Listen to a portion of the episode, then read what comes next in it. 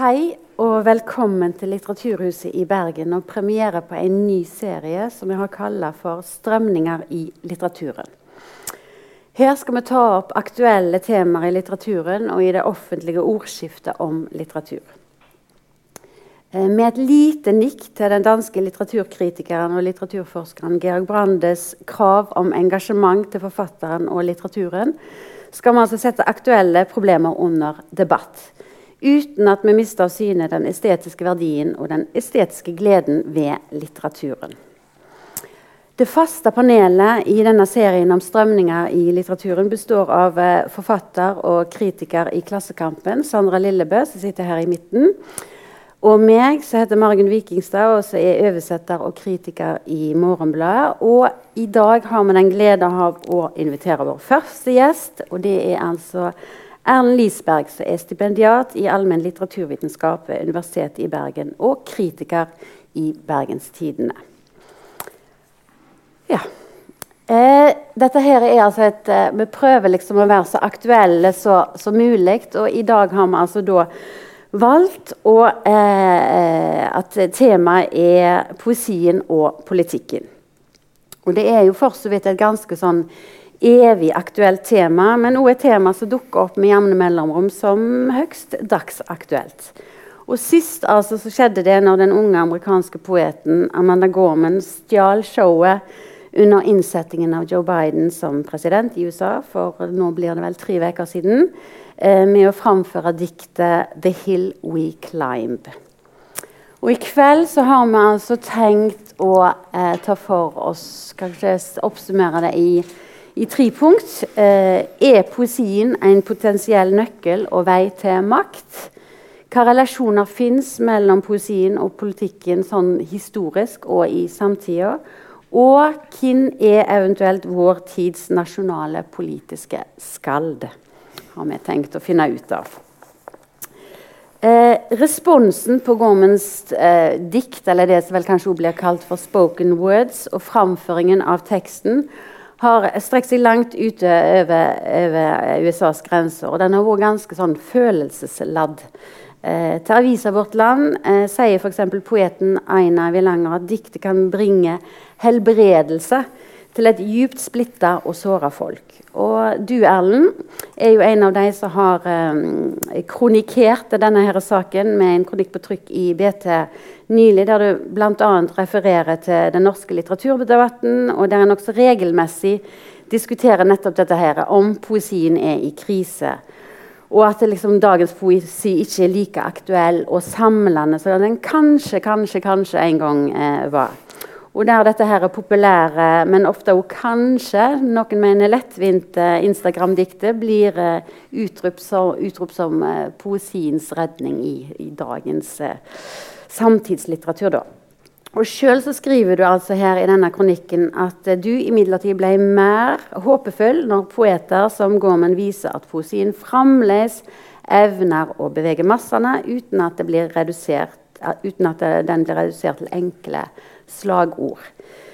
Eh, så lurer jeg altså på er, mm, altså Dette diktet til eller spoken words fra Amanda Gorman eh, og denne framføringen da, som er ganske sånn viktig i, i settingen. Er, er, det en poesi som viser at, eh, at, at, at poesien har en sånn potensiell politisk maktfunksjon? Eller dreier det seg mer om poesiens mer sånn generelle mulighet til å uttrykke følelser? Blant annet, hun gjør det jo ganske sånn tydelig med at hun, hun gjør det personlige i, i, diktet til noe allment som treffer folket. Eller er det rett og slett dette her at Gormen eh, sier de rett ordet til rett tid? Du Erlend, som er dagens gjest, skal få lov til å begynne denne her eh, diskusjonen. Eh, ja, eh, takk for det. Uh, når jeg skrev denne teksten her, så jeg er litt sånn ambivalent til denne teksten. fordi at Din egen så, tekst? Min egen tekst, ja. Eh, for når jeg så Gorman på TV første gang, så tenkte jeg sånn Uff, nei, dette her synes jeg var litt sånn pinlig. og sånn. Jeg er ikke så glad i sånn spoken word-diktning eh, med ordspill. og Jeg syns det ofte er litt sånn fikst og sånn. Eh, og så ringte Beate og spurte om jeg kunne skrive en liten tekst om dette fenomenet Amanda Gorman. Og så skrev jeg noe jeg oppfattet egentlig selv som en ganske sånn kritisk tekst. Og så følte jeg at, var, at jeg ble veldig sur. At det ble liksom kjip sånn fyr som skulle liksom, ok, skal du, nå skal du liksom bringe ned dette her. da. Så da fjernet jeg liksom alt det eh, negative. da, og alle, alle, Hele den ironiske modusen i teksten forsvant. F.eks. når jeg skrev at dette her var en perfekt, eh, et perfekt leilighetsdikt for en amerikansk presidentinnsettelse. Så tenkte jeg egentlig at det var ironisk, men det ble bare sånn en hyllest eh, i teksten. da, Når eh, min kjæreste leste den teksten, så sa hun oi, så du hyller nå spoken word-poesi. Og jeg bare sånn, nei, nei, nei. Eh, men i etterkant, når jeg har sett den kritikken Amanda Gorman har fått fra en del sånn eh, sure, eh, utelukkende menn da, på eh, Facebook og i aviser, og sånn, så er jeg faktisk veldig glad for at jeg fjernet det og havnet liksom på den rette siden av historien. da. For jeg vil ikke identifisere meg med, med dem. Så kan man si at ok, det er litt som han Viktor Malm skrev i Ekspressen. da, Tomme ord, snykt segda. Sant? Eller enda verre at det er en slags naiv idealisme, og, og det er klisjeer og sånn. Men, uh, og det er kanskje ikke litteraturkritikerens dikt på noen som helst måte. Da. Men det er en annen sjanger uh, som uh, er mer opptatt av andre ting og bevege. altså Den enes klisjeer er gjenkjennelige bilder kanskje for andre. Og, og, som har et mye sånt, et tydelig retorisk prosjekt. da som er rett og slett å bevege og liksom anspore til litt håp. da. Og så mm. Selvfølgelig er jo situasjonen der på Capitol Hill eh, to uker etter eh, opptøyene der eh, ganske sånn sterkt. Altså, jeg står inne for det, at dette var et perfekt leilighetsdikt. Og er mer positiv nå enn eh, noen gang. Da er det jo fint at vi har en eh, kvinne her som eventuelt kan være sur, hvis hun vil, siden hun liksom da Iallfall ja. ut ifra et sånt kjønnsperspektiv. For jeg lurer litt på hva, hva, altså, hva tenker du, Sandra, om dette her? Er det, er det sånn som f.eks. Det blir sagt i eh, av en annen uh, kollega av deg, poet, at det er en helbredelsestale? At, uh, eller er det et dikt som blir tydelig brukt? Politisk, eller er det eventuelt begge deler? Ja. Og er det, er, mm. er det, et godt dikt? Ja. Eh, det var veldig mange spørsmål ja. i det der. de eh, men eh, ja, jeg kan gjerne ta på meg rollen med å være litt sur. altså Det kan jeg bare innrømme. Men eh, det har ikke så veldig mye med eh, at uh, jeg tenker alle tekster som, altså, Amanda Gorman har åpenbart nådd ut til veldig mange uh, med, den, med, den, teksten her, og med den framføringa som er jo uh, veldig godt utført.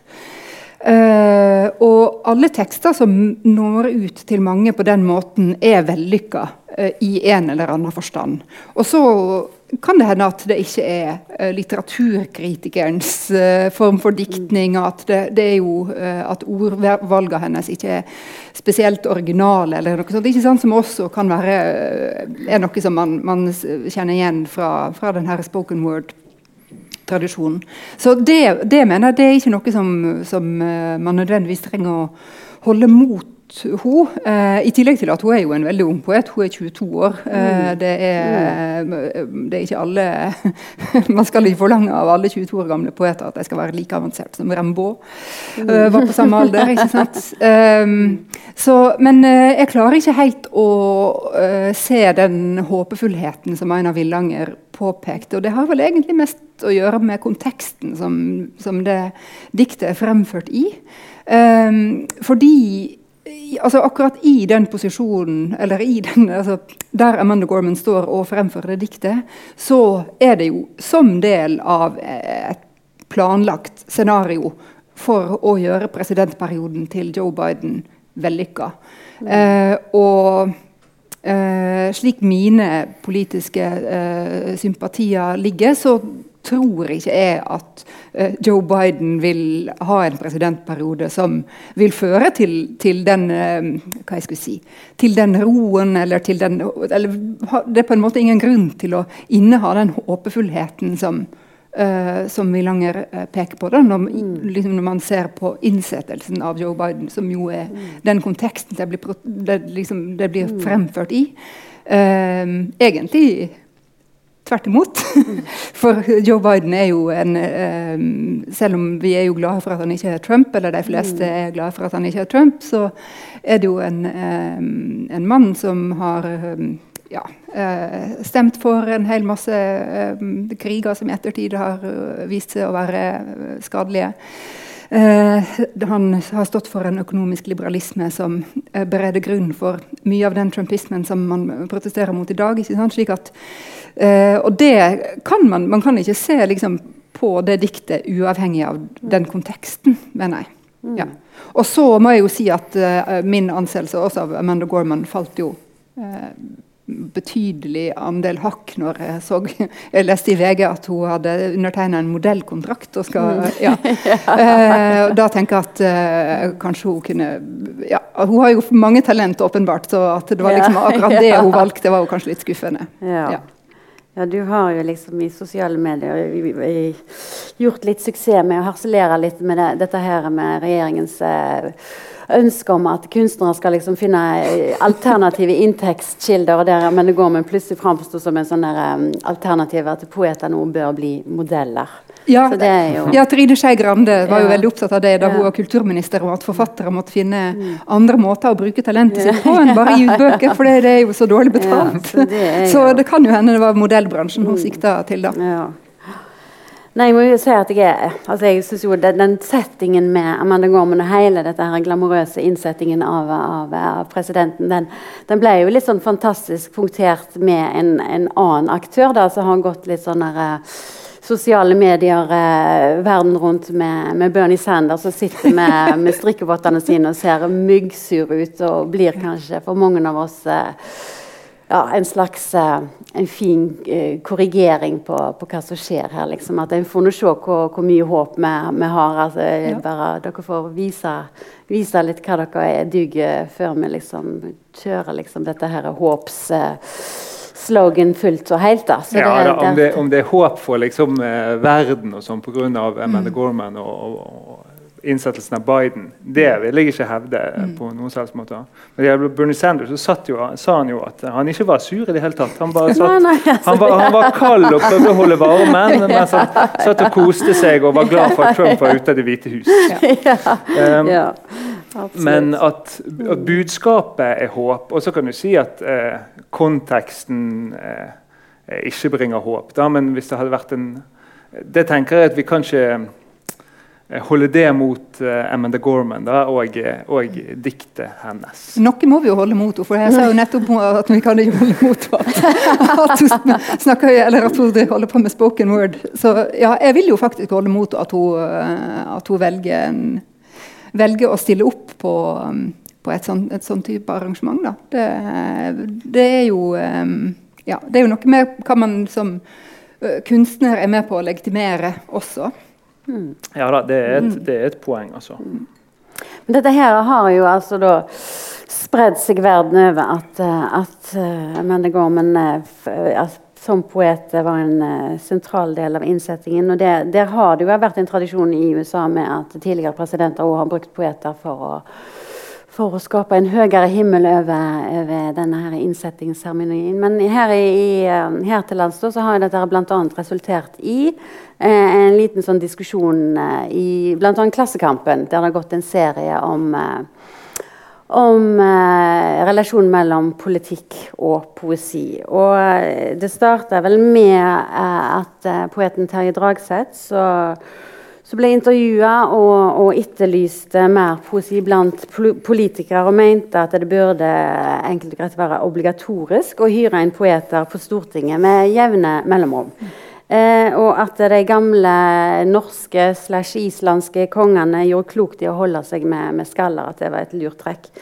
Eh, det resulterte i en um, en liten debatt på, på NRKs uh, Dagsnytt 18, der eh, Dragseth møtte uh, kritiker og tilsatt ved UiB, Frode Helmik Pedersen. Og, eh, og der han vel egentlig enda opp med å skifte litt mening. For eh, Pedersen han eh, spurte liksom ganske sånn retorisk da, om eh, med et litt sånn historisk nikk til den gamle kongen at eh, skallen var nok uten tvil bra for kongen, men var kongen bra for skallen? Og, og pekte altså på dette her med at poesien i utgangspunktet nok har alt å vinne på å dyrke friheten sin, og en kritisk distanse i stedet for å bli innlemma i stortingssalen og eventuelt bli korrumpert av politikken. Eh, Sandra, du er, altså, du er jo både poet, eh, prosaforfatter og eh, kommentator i Klassekampen. og eh, jeg lurer litt på hvordan du tenker nå i utgangspunktet altså hva, hva samspill som fins mellom poesien og politikken, og eh, i forlengelse av det hvordan du tenker det å skrive politisk som, som poet. Mm. Um, ja. Jeg tror, For det første så, så, tror jeg det er jo veldig mange som, det kommer jo liksom med jevne mellomrom denne etterlysninga av poesien som noe som kan brukes til noe. Eller, altså, at, mm. det, var jo, For noen år siden var det jo en diskusjon om vi hadde fått for mange diktsamlinger. Vi hadde for, at vi hadde for få enkeltdikt som kunne trekkes fram i bryllup og begravelser. Og så videre, som, er litt, uh, som er litt av det samme. Uh, der man etterlyser altså, ikoniske tekster, nærmest, da, som, som, kan, eh, som kan eh, ja, gjenkjennes av mange og brukes i, brukes i, forskjellige, brukes i forskjellige, anledninger. Um, jeg tror at jeg tror at for en, for en, forfatter eller for en poet at det er egentlig bortimot umulig å skulle skrive en politisk tekst på kommando. Um, poesien kommer jo fra et, uh, fra et veldig annet sted.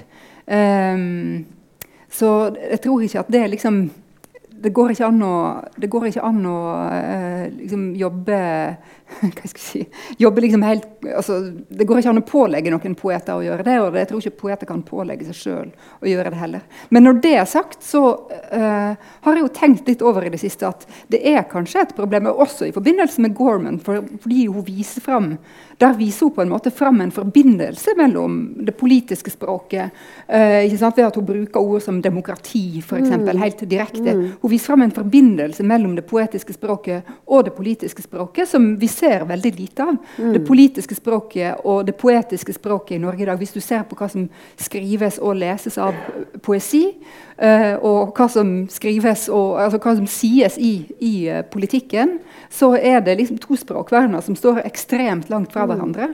Og det tror jeg kanskje kan være Jeg er litt sånn usikker på akkurat hvorfor det er et faretegn, men jeg blir litt urolig av det, merker jeg. Mm. Fordi eh, i hvert fall hvis dette språket skal skal være noe som uttrykker en eller annen form for, for sannhet, da, så er kanskje det et tegn på ja, denne sektorinndelinga eller mm. polariseringa som vi ser på andre felt også, at, at det også har liksom nådd inn i kjernen av språket. Mm. For i den, der, den nevnte serien uh, i Klassekampen om, om dette med politi politikken og poesien, så i utgangspunktet så var det jo kanskje altså disse her politikerne som tenkte mest sånn klarsynt om, om, om at ja, altså Poesien hadde nok lite å hente innenfor Stortingets saler. Der, men samtidig så er det jo noe sånn hva skal jeg si, visjonært ved Dragseths eh, tanke og ønske. da, at ja, nettopp som du sier, Hvorfor er det så Hvorfor er det så atskilt? Ja, men jeg syns det er veldig interessant det du påpeker der, at, altså at i den artikkelserien at eh, at poetene eh, ville veldig gjerne inn på mm, Stortinget mm, og, og, og snakke fra Stortingets mm. talerstol osv. Mens politikeren sier nei, hei, nå vi må holde en eh, armlengdes avstand til kunsten, og kunsten skal være fri osv. Og, og der politikeren egentlig hadde et mye mer prinsipielt og avklart forhold til hva kunsten skulle være, og kunstens rolle i samfunnet. Men jeg tror det kan nok være et symptom på også at det er veldig mange altså, det er veldig mange poeter og forfattere som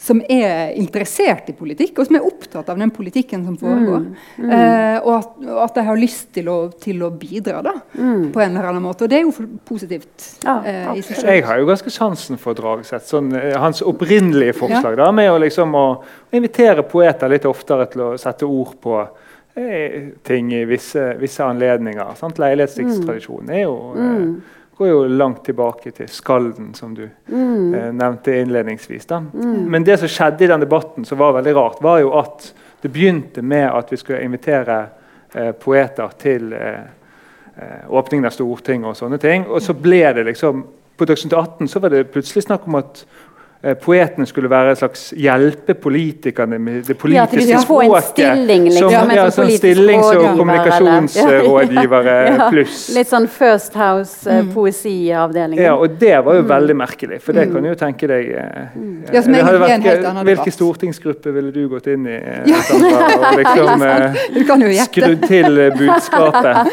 Men det har jo fantes, det har jo fantes poeter. Altså, Ruth Lillegraven jobber jo en stund som taleskriver i Samferdselsdepartementet. Men tror du, tror du brukte sin, sin, sin form i uh... Nei, jeg prøvde å spørre om disse der en gang, og da ble hun veldig irritert. Så jeg vet ikke. Jeg tror kanskje at det var litt andre talent hun brukte først og fremst i den jobben. Men Gunnar Wærnes eh, sa jo eh, et, noe morsomt i, i dette her eh, klassen, når de intervjuet han. Da, da sa jo han eh, jeg har et sitat her, Norske forfatteres politiske forståelse og følsomhet har ikke med noe unntak imponert meg på 20 år. At den intellektuelle forfatteren har en privilegert inngang til politikken, er en myte. Og Det føler jeg egentlig en ganske sånn utbredt oppfatning. Da. Men jeg tenker likevel at det hadde vært litt sånn gøy og kjekt om de fikk prøve seg litt mer. Og man fikk liksom leilighetsdiktningen litt tilbake. da. Om det alltid hadde blitt så god poesi ut av det, vet jeg ikke. Men det kanskje eh, Det hadde blitt noe litt mer slagkraftig og utadvendt enn det som eh, poesien ofte er det jo et- beskyldes for å være i dag. Ja, ikke sant? Og så er det jo også, det er jo også eh, som kanskje også Gorman er et bevis på det, at det er kanskje ikke nødvendigvis alltid slik altså at den, den beste poesien eh, er den som eh, er den som liksom kan altså, hva jeg skal si, Poesien trenger ikke å være strålende for å for at den skal nå ut til en god del folk. Og at, altså at, men den kan likevel liksom ha en status som poesi. da. Sant? Så streng går det ikke an å være. Så må den vendes ja. utover. Sant? Så den eh, liksom, Men modernistiske tendensen må liksom, Man må få et lite brudd med den, da, og så får Ja. disse her poetene prøve seg på å eh, skrive litt om samfunnet og, og Mm. være mer forståelige og appellere til eh, den, Men du den har jo alminnelige f.eks. da en sånn eh, ja, jeg tenker altså Dette diktet til, til Cecilie Løveid, så 22.07-diktet, så, så heter vel 'Straff'? Jeg ikke dette? Så Mm. Så iallfall er, altså, er jo et sånt eksempel på, på kanskje det en vil altså, Innenfor de litterære kretser vil si både et godt dikt og et dikt som appellerer veldig til, til en, en ekstremt politisk situasjon. Da. Så det er jo ikke nødvendigvis eh, Eh, ja, at det kan henge sånn. Men, men, men det er jo interessant det som dere er inne på nå. dette her med altså, for, for poesien er jo kanskje i utgangspunktet i utgangspunktet kanskje ikke for folk flest. Eller den har noe sånn at den kan være ekskluderende, eller den kan være, at den kan være ha, ha et tilsnitt av et, et eller annet elitistisk. Og, og er det og dette her med da eventuelt som en eh, motsats et tydelig budskap. Er, er, det liksom, er det relevante skillelinjer i, i samtidslitteraturen, eller, eller poesien i dag også, å, å sette de to, altså, de to kategoriene opp mot hverandre? At budskap kontra subtilitet er, er motsatser, på en måte? Det tror jeg helt klart. Altså, det er jo Altså Budskap har jo ikke vært en veldig sånn eh, kvalitetsindikator eh, de siste 100 årene. Da, kanskje i, i Nei, det er jo veldig befengt. Det er jo liksom, fall, det er et eller annet sånn at en smusser til litteraturen hvis en hevder at det finnes et tidlig budskap der. Ja, og at politisk litteratur er, er dårlig også, er jo at det liksom aldri fungerer. er jo også en sånn eh, oppfatning mange har. Eh, men ser man tilbake i litteraturhistorien, så har jo lyrikken vært eh, veldig lite elitistisk og kjent og skjær for mange opp igjennom. Og ganske mye enklere å lese. da, altså... Men jeg tenker for eksempel, for eksempel sånt, Et dikt som Cecilie Løveids dikt det har jo et tydelig budskap. altså Jeg kan ikke si noe annet enn det. Altså, og, og har en sånn type subtilitet i, i samme Ja, jeg vending. mener jo så- at det, det her kravet liksom om subtilitet uh, Dette her er jo litt sånn kjepphest for meg, da, men, uh, men uh, dette her kravet om subtilitet kanskje er litt er litt misforstått noen ganger. da, og at jeg tror kanskje at i enkelte altså Hva det er liksom som blir avskrevet som enkelt og platt, um, i noen tilfeller ikke nødvendigvis alltid er det. da. Det er jo et eller annet med liksom du hadde jo en, eh, en, lang periode på altså, 80-, og 90- og 00-tallet der det liksom, Åge Aleksandersen var liksom det mest blodharry som fantes. Ikke sant? Så plutselig så oppdaga noen mm. kulturfolk at det var egentlig ganske fint dette med lys og varme. og sånt likevel. Ikke sant? Så, ja, det hadde nok at det hadde liksom en, en verdi. da, Så har liksom Aleksandersen har blitt rehabilitert etter, rehabilitert liksom etter hvert som en, som en sanglyriker. Um, mm. Og noe lignende tendenser har man liksom kanskje kunne sett også med sånne tekster som til DDE, f.eks. Så det er liksom, mm. det er og Hellbillies, vel ordet. Altså, ja, Hellbillies sikkert også. De er så gode musikere, ja. så derfor så får de liksom noe ja, nettopp, ikke sant? Ja. Men poesien så. henger etter på det mm. punktet, da? Eller, eller står, står, sterkere i modernistisk tradisjon? Da vil jeg hevde i dag. Det gjør den nok. Og så tenker jeg jo at det er jo et eller annet om med at det er jo veldig vanskelig liksom, i, uh, å se liksom, i nåtida hva slags dikt som vi leser nå, som kommer til å bli mye lest i ettertida. Mm. Det er det jo bare ettertida mm. som kan mm. vite, egentlig. Og det er jo ikke mm. nødvendigvis så veldig mm. overlappende. Eh, for Det var jo så opplagt at det til ungdommen skulle bli så viktig for oss i nettopp. så mange ja, ja. tiår etterpå. Så jeg liksom leser alle ja, konfirmanter. Eh, ja det må jo være Norges mest uh, leste dikt. Uh, vil ja. jeg tro da. Helt, eh, helt klart, kanskje. Ja, ja, ikke sant? Og som er jo egentlig ganske, det er jo, en, det er jo et budskap i den også om, om, fred og sånt, men den er jo temmelig krigersk. Ja, den er, ja, absolutt. At, som sier et eller annet om altså, at, at uh, tolkning av en tekst kan jo endre seg veldig med, mm. med tida. Betydninga man tillegger den, endrer seg veldig med tida. ikke sant? Så, så Den franske nasjonalsangen, f.eks., Marseillaisen, er jo mm. en ekstremt voldelig mm. tekst der, man, der de synger om liksom, ureint blod som renner nedover sverda. Og, dette her er en, en, sang som man synger når man skal liksom feire nasjon og samholdet. ikke sant? Det er ganske Ja. De har jo litt anlegg for å bruke militæret ja, litt, i ja. for stor grad. Altså det. ja, det, er, det er en annen ja. Men, men jeg syns det er en eh, viss parallell der da, til, mm. til ungdommen og Nordahl Grieg, som ble skrevet i en bestemt mm. historisk kontekst, og som nå er på en måte noe av det mest uh, ufarlige man kan trekke fram. Ja, nå er det menneskeverd. Mm. Ja. Mm. ja. Det er humanisme liksom, fra ende til annen. Så det mm. mm.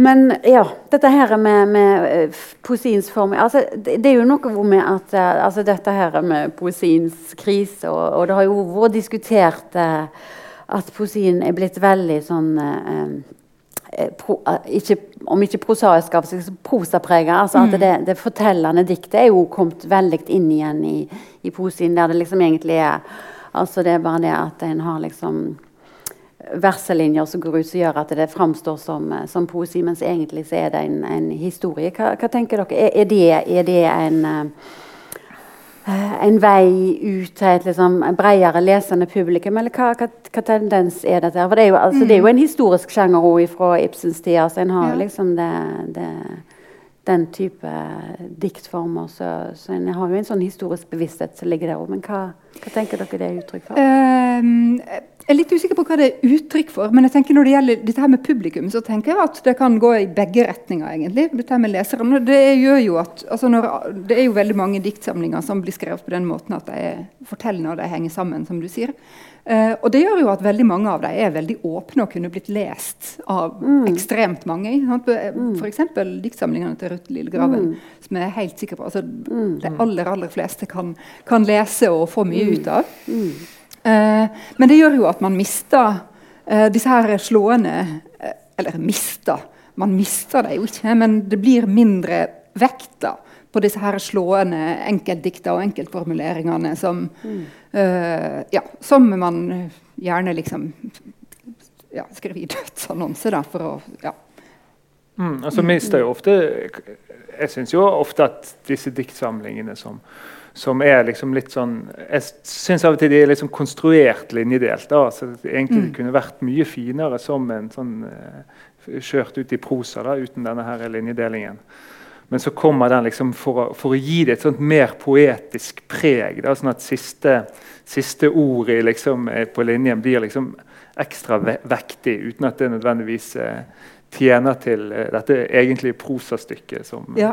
ville vært mye bedre som Dette har jeg også lært av i Dagbladet sin sportskommentatoravdeling. Eh, der eh, man liksom det, ja, ja, okay. det er jo nesten samtidig Dagbladet sine sportskommentatorer de skriver liksom bare enkeltlinjer nedover. Mm. Veldig korte linjer med punktum etterpå, som liksom legger veldig mye Ja, det var en digresjon, men det er jo også type, altså et eh, Ja, Bent Høies setninger har jo Bent fått, Høie også sine fått setninger, mye, ikke sant? Ja. Fått uh, mye oppmerksomhet. At de er Ja. veldig korte. Ja. Og det er punktum der det skal, egentlig skal være Ja. komma. ja. For budskapet blir vektig og tungt, og det blir, det blir alvor, da. Men Erlend, litt tilbake oss til, mm, til dette her med, med leilighetsdikt og skalden. og sånn som det. Altså, I utgangspunktet så, så har jo liksom poesien fått et sånn sånn hedersbetegnelse at det ofte er sånn motspråk. At det er et eller annet som en kan bruke mot, mot eh, et eller annet etablert, eller en kan bryte opp eh, vante forestillinger med at det skaper nye bilder. Og, men, men ser du for deg altså, i, det, i den leilighetstradisjonen og skall-tradisjonen, fins det òg noen sånne muligheter for eh, altså Nå tenker jeg på dagens poesi. Da, altså at, at det er òg innenfor maktstrukturene, eller innenfor etablerte korridorer og sånn, at den, den, den kan eh, ha sin ha sin funksjon, eh, og, og, og hvordan skulle det egentlig altså hvor Fins det en dagens Bjørnson eller dagens Wergeland som du holder på med? Nei, det, det gjør det vel ikke, da, vil jeg tro. Altså, altså Leilighetsdiktning og, og den tradisjonen er jo like gammel som poesien selv. omtrent. Den begynte jo i sportsredaksjonen i, eh, i det gamle Aten. Sant? Og Pinders oder til eh, de gamle idrettsheltene som kom hjem. Nettopp, sant? det er det VG har det er der, det er der de har tatt inspirasjon fra. Og Det var en imponerende historisk bevissthet eh, de utviser. Og, og sånn eh, Nei, men jeg vet ikke hvor mye poesien noen gang egentlig har hatt en sånn eh, eh, politisk Vært en politisk maktfaktor. Altså, når, når, skalden, nei, nei, når kongen hadde sine skaller, så, som eh, hyllet kongen, da, så han kunne se seg i, speile seg i skaldens eh, pene ord og sånn. Og, og disse hyldningsdiktene og eh, krigsdiktene og dikt som ble skrevet når de kom tilbake fra reiser. og sånn, Om de egentlig hadde noe, om det var en politisk maktfaktor, om folk egentlig brydde seg, det er jeg usikker på. Og jeg er egentlig usikker på om eh, noen gang har vært tilfellet. Noe annet er kanskje mer sånn eh, Altså Wergeland er jo kanskje mest kjent sånn som politisk dikter for disse her jøden jødene og judeen. Disse diktsamlingene som opponerte mot jødeparagrafen. Og Bjørnsons viktigste politiske eh, diktergjerning er vel mer knyttet til liksom, å bygge nasjon og den slags mer sånn eh, eh, En slags Ja, Amanda Gorman, da, tross ja, alt. ja, en slags Amanda Gorman. Litt, uh, ja, et litt sånn luftigere prosjekt, kan man kanskje si. Så poesi i maktens korridorer, det tror jeg ikke. På Stortinget er jo det, det kommer jo frem i Klassekampen sant? at uh, Trygve Slagsvold Vedum setter Hans Børli høyt, mens uh, Mm. eh, Jonas Gahr Støre han sverger til en litt annen type litteratur. da. Han nevner vel Jon. Fosse og, Ja, og Rolf Jacobsson Jacobsen, og, uh, og Jan Erik Vold. Altså, Ja. mer sånn modernistisk anlagt. Elitistisk anlagt, må vi kanskje også si. Ja. Nei, det var jo kanskje rett og slett sånn at disse her eh, eh, gamle kongene og høvdingene faktisk hadde en estetisk glede av kunsten og litteraturen. Det er jo ikke usannsynlig, det. altså det En skal kanskje gi dem den.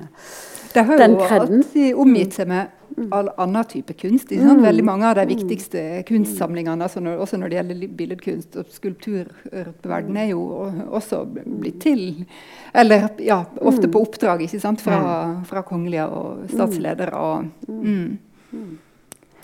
Og det er jo eh, altså det som mm, Terje Dragseth eh, ender opp med når han har liksom blitt litt sånn omvendt av eh, Frode Helmik Pedersen på Dagsnytt 18, er jo det at han innser til slutt at kanskje det beste beste råd og løsningen er at eh, stortingspolitikerne bare rett og slett begynner å le lese mer poesi, istedenfor at de nødvendigvis skal, skal hyre inn noen poeter. Så det er jo en, det er jo en fin oppfordring til oss Men det er jo også alltid liksom konklusjonen på sånne poesiarrangementer. Sånn vi, må, vi, må, lese mer poesi, vi må jobbe mer med poesien, vi må formidle poesien bedre. Og så er det jo ingen som kjøper den heller. Som, det er jo ikke så mange som leser den heller. Nei, det er jo ikke det.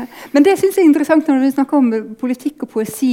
Det er liksom, altså, nå snakker vi liksom om hva slags poesi som leses av, mm. av politikere. Mm. Så fordi De uh, eneste politikerne som jeg vet om som har, har liksom vært sånn genuint uh, po poesiinteresserte. Det er i tillegg til jeg tror at Jonas Gahr Støre Eller genuint litteraturinteresserte. Jeg vet mm. ikke om Jonas Gahr Støre har en spesifikk poesiinteresse. Men det er altså da Jonas Gahr Støre og den tidligere franske utenriksministeren Dominique de Villepin, mm. som var kjent for å sitte og skrive dikt mm. på flyet på vei til FN-møtet i New York. og sånt, som, som, høres jo veldig flott ut. Og det, men, og det som jeg syns er interessant med de politikerne, er at de eh, har uh, både prøvd å være utenriksminister, og de har også prøvd å være eh, nasjonale ledere. Da hadde Villepin mm. som statsminister og Støre som, mm. som, leder av Arbeiderpartiet. Og de lykkes mye bedre internasjonalt enn de gjør nasjonalt. Halvdan Koht også var jo selvfølgelig Nettopp. Ja, ikke sant? Men det sier kanskje, og det får meg i hvert fall til å tenke at kanskje, kanskje er poesien mer nyttig for, for, en type politisk tenkning som, mm. som er virkelig helt allmenn, som slipper å forholde seg til ja, Nå kommer jeg ikke på noe. Liksom, men uh, helseforetaksreformer og, og, sånne ting som det der. Altså, sånne tekniske ting, men som kan uh, Ja, den politikken som rett og slett må være litt mer vidsynt, da? Og liksom, ja, Kikke litt utover grensene ja, og forholde seg til Den som for, kan forholde seg til menneskeverdet og, sant, og til det gode og til fred i verden og til mm. krig og vold og ja, de store spørsmålene. Ja, for Da lurer jeg faktisk på én ting eh, i sammenheng med det. Og det er liksom at det kanskje altså Jeg tenkte iallfall når jeg, eh, jeg leste gjennom dette diktet til Amanda Gorman på nytt, og, og, og eh, litt med referanse til dette, denne saken i, i Vårt Land, der det var vel egentlig Freddy Fjellheim som sa at eh, som er eh, poesikritiker der nå, han eh, nevnte det her med at ja, men kanskje kan jeg lese um, Amanda Gormans eh, dikt som et sånn spark til liksom, den klassiske poesien. At her er de som kjører på med, med patos, mm. blant annet. Som jo liksom lenge har vært eh, nokså uglesett både i den eh, allmenne litteraturen. Mm. Altså inderlighet og patos er liksom noe som en ikke skal eh, verken uh, smusse seg til med eller holde på med. Uh, men ja, jeg, jeg, eh, spørsmålet mitt er altså nå da er det så er, er altså, Samtidspoesien, f.eks. Det, det som mangler, den er kanskje ikke politiske dikt, men mer patos? Hadde det liksom ja. vært en uh, Kanskje. Jeg vet ikke om ja. akkurat patos. Altså, det kan jo være så mangt. Da, men ja. en, en henvendelse ut av seg ja, sjøl er jo ofte noe man ja. Noe som etterlyses, da. Ja, det er noe som etterlyses, men jeg tror at i likhet med det politiske så er det utrolig vanskelig for en forfatter å sette seg ned og skrive patos, ja. med vilje. Det må jo, det må jo liksom komme, komme, fra, komme, fra, et mm. ordentlig sted, da. Um, men, eh, men, så absolutt. Jeg tror nok at, jeg tror nok at fra utsida så eh, så har poesien fått et kanskje litt, sånn, kanskje litt ufortjent eh, Kanskje litt ufortjent rykte også som eh, som veldig, veldig vanskelig. Og, altså, det, det, mm. finnes en hel masse poesi som, som, skrives i Norge i dag, og som, som absolutt uh, har potensial mm. til å bli lest av veldig mange, og som absolutt har potensial til å nå ut. Altså En poet som Annabelle Despar, uh, mm. f.eks., som skriver både tilgjengelige dikt og veldig gode dikt.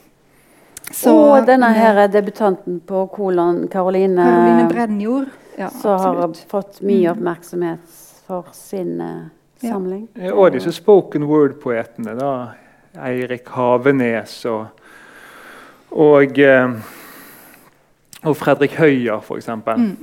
Som dikter, de dikter jo eksplisitt eh, politisk og mm. er, mm. er veldig forståelige da, og, og greier. men Eh, Fredrik Høyer driver jo med en sånn leilighetsdiktning også som av og til kanskje kan slå litt feil. For når jeg var på Lillehammer litteraturfestival i 2019, da så jeg han på scenen energisk eh, de, eh, lese opp et dikt der han påkalte en slags kommunistisk radikal revolusjon. Og så Tre måneder etterpå så ser han på TV eh, på Slottet på prinsesse Ingrid Alexandra sin konfirmasjon eh, si til alle gjestene at de lyser og gløder. og liksom eh, så det er jo noe med den der leilighetsdiktningen som kanskje kan bli litt, eh, litt av en da, beleilighetsdiktning. Da er jo spørsmålet om han var i stand til å bevare sin frihet og kritiske distanse. Så ja, det er jo godt mulig at han sjøl tenker det. Til å se det på YouTube, faktisk. Der står han foran. Det står to, Han står og liksom og, og, og sier at du lyser, og alle dere gløder. Mens da, det står to sånne tjenere bak og en flaske champagne liksom i bakgrunnen. Ja, nei, poeten skal jo ha mat og salt og alt dette her. Så det kanskje Ja, da, det handler jo litt også om det der spørsmålet som uh, Helmik Pedersen da stilte. Mm. Ja, det er ingen tvil om at skallen skalden var bra for kongen, men var kongen bra for skalden? Mm. Det var jo han åpenbart, fordi at uh, sånn fikk ja. skalden mat på bordet. Ja, ja, absolutt. Som en litteraturøkonomi å snakke om i år 800. Absolutt. Mm.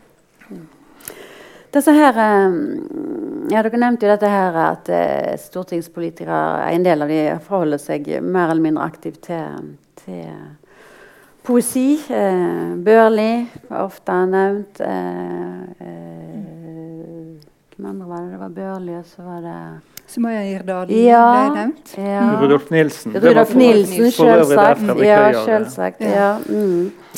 Eh, og tydeligvis òg Ralf Jacobsen, mm. for de mer avanserte utenrikspolitiske stemmene. Eh, hva er, er, det liksom mulig å um, å uh,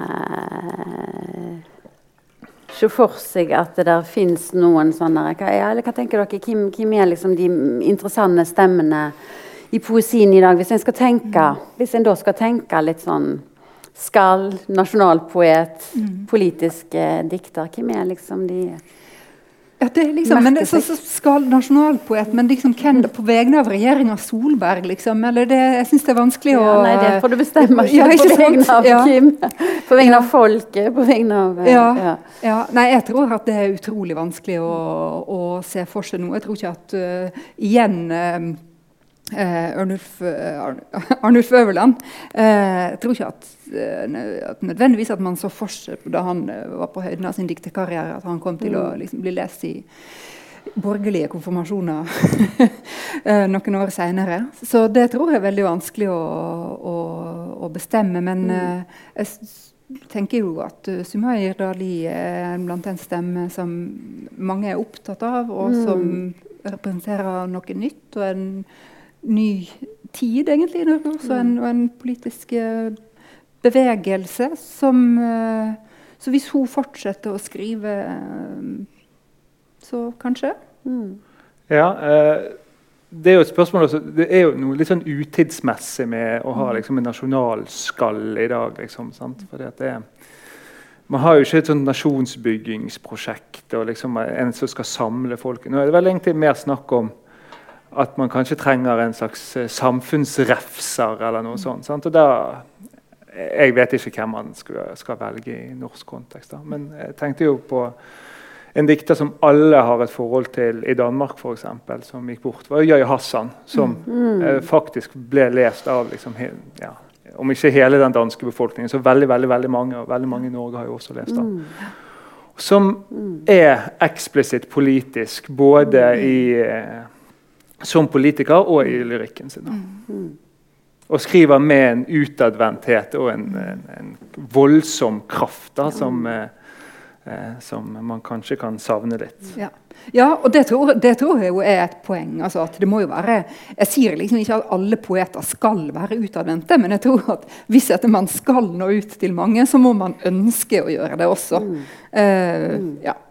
Og der fins det jo liksom altså, Om man skal kalle det patos eller ikke, men det er jo helt klart at det er en, en, en følelsesladdhet i, i et altså, Yahya Hassans forfatterskap, for eksempel, så er det er veldig ekspressivt, som du sier. Sånn, så det er jo noe med en uh, Og det kommer ut av denne virkelighetslitteraturbølgen. Sant? At handler om Knausgård, så henter en inspirasjon derfra. Og det har jo man også sett i prosaen. Sant? At de som skriver virkelighetslitteratur, mm. eh, kanskje har lettere for å påta seg nettopp eh, denne her litt sånn refserollen, sånn som Olaug Nilsen gjør. Så han skal skrive eksplisitt, helt klart politisk, ved at hun liksom kan Dette er meg, dette er ordentlige problemer.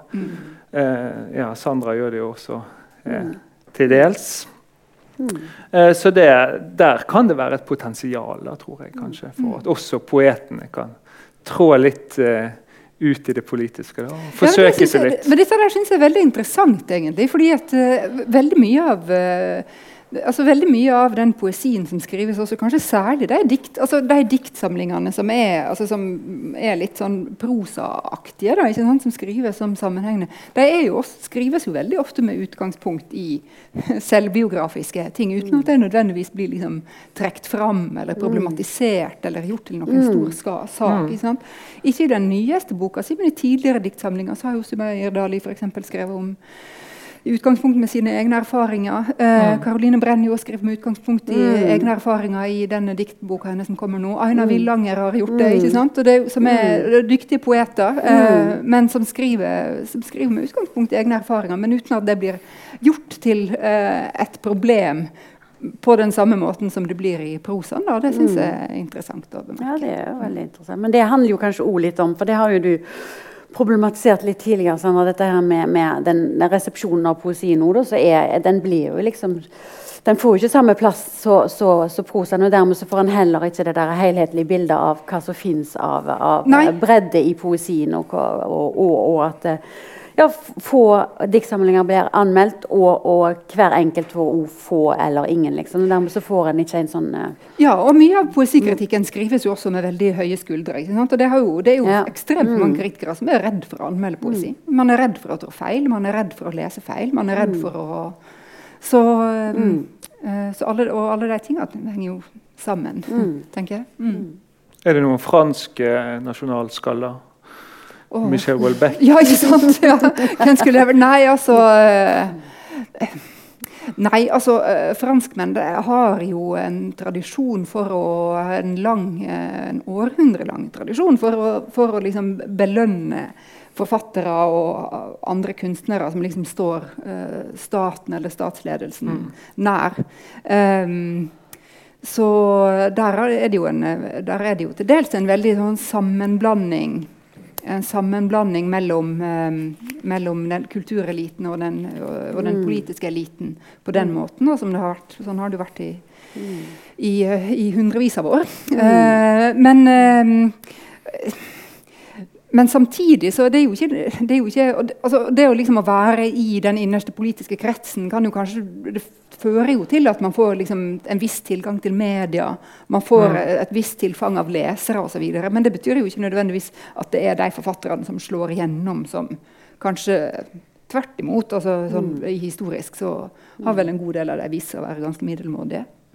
Og så må en ikke glemme det, altså den norske settingen med, som også blir nevnt av Det er vel Slagsvold Vedum som kommer med et forslag om altså Norge har jo veldig gode eh, ordninger for kunstnere og, og eh, forfattere og poeter. og En har statsstipendiater, en har stipend. og at en, Sånn sett så kunne en kanskje liksom på et eller annet vis eh, sluse inn disse her som får penger fra staten til, til å brukes i en eller annen sammenheng. Og Samtidig så er det jo nettopp det som er så hva skal jeg si, fantastisk med, med våre ordninger, at, at, at kunsten står fri, og en har denne armlengdes avstand som som gjør at en, en kan, kan få penger, så holder en på med sitt, og så må en ikke eh, stille opp i Stortinget og, og, og ja, bevise at en har eh, produsert noe, og produsert noe godt. Så det er jo liksom eh, Men de kunne jo blitt invitert litt oftere, Ja, mot noen klekkelige honorarer og full frihet. og sånn. Da tror jeg vi kunne fått ganske mye eh, Om ikke bra, så iallfall morsomt og Ja, kjekt. men altså, oppdragsskriving Ja. finnes jo på mange måter. ikke sant? Ja. Så det er, jo ikke noe, det er jo ikke noe i veien for at man Nei. skulle forsøke å gjøre det. altså Verken innad i et politisk parti Nei, eller altså, Festivaler har sånne festivaldiktere. og Ja, ja. Stortinget kunne fint hatt seg en liten festivaldikter av og til. og det hadde jo, Ja. så, så Terje Dragseth han har det er ikke så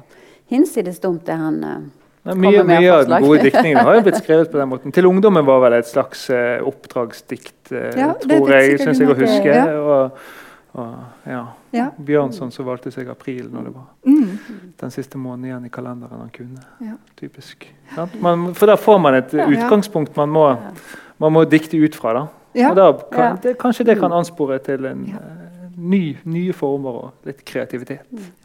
Bra utspill fra scenen her. Og så er det jo eh, er det jo altså eh, oppløftende å se at det er, det er Vi må nesten slutte sånn som jeg alltid klassisk slutter med at det er mye bra poesi, så det er bare at du går ut og leser. Men òg at eh, at, at ja, at den, poesien står der med, med den friheten den, den trenger, og den uh, armlengs avstand som den trenger. Så, og så tilfører han Men det, ja, det, jeg skulle si, var det, dette her med at Susanne hadde det poenget med eh, eh, at det er litt det, den avstanden mellom eh, politikernes språk og poesiens språk Kanskje finnes det noe interessant der som kan, eh, kan eh, rokkes ved i, i samtidspoesien videre. For det er jo liksom påtakelig det at, at en skal liksom kveppe til hvis en ser ordet demokrati i, eh, i et poetisk setting. Og at det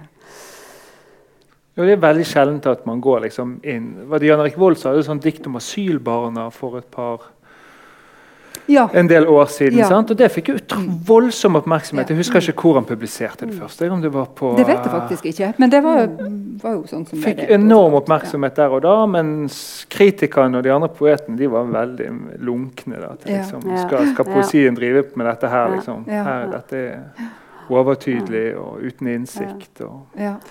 Men det er jo litt sånn, altså det er jo rart at det altså det, dette her at det skal være så befengt med, med budskap. Og det er jo det, En må vel kunne si at det kanskje òg finnes en litt sånn øh, en etisk vending i samtidslitteratur når en f.eks. kommer til klimakritisk eh, skjønnlitteratur og en type klimakritisk kritikk, og, og at en på et eller annet vis ønsker ja, en, en ønsker rett og slett å, å, å sette et budskap inn i en eller annen sånn estetisk form. Da. Og det, det, er jo, det kan jo ligne på, på 70-tallet på sitt vis. Og samtidig så, så det er jo helt tydelig at en har liksom den der bevisstheten om at, eh, at ikke all litteratur som ble skapt og har blitt stående, liksom, at den hadde noen sånne problemer med seg som nettopp handla om eh, ideologi, og at, eh, at kunsten på et eller annet vis ble korrumpert av politikken. Da. Så, mm, ja, jeg tror det har veldig mye for seg. Og skulle, hadde vært gøy hvis de beste forfatterne våre skrev begynte å også skrive litt sånn klimalitteratur og den slags. da. Men, ja, det er jo eh, gjort en del forsøk på det. Ja, det er ja, jo da, det er jo Ja. det. Og det Det er jo er ikke alltid like vellykket.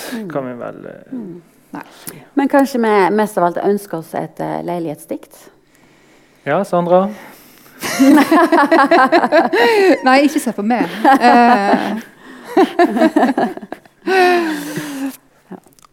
Nei, jeg tror rett og slett at vi har eh, diskutert oss gjennom eh, dagens tema i strømninger i litteraturen, poesien og politikken. Og eh, neste arrangement i denne serien er mm, 10. mars. Tema og gjest er selvsagt ikke satt, så det får vi se hva, hva blir temaet. Men tusen takk til deg, Erlend, for å være første gjest i dette her eh, første, første program i serien. Veldig fint å ha deg her. Og tusen takk jo, til deg. Sandra. Og tusen takk til dere som faktisk kom fysisk. Og dere som eventuelt har sett på det ute på det store internettet. Takk for i kveld.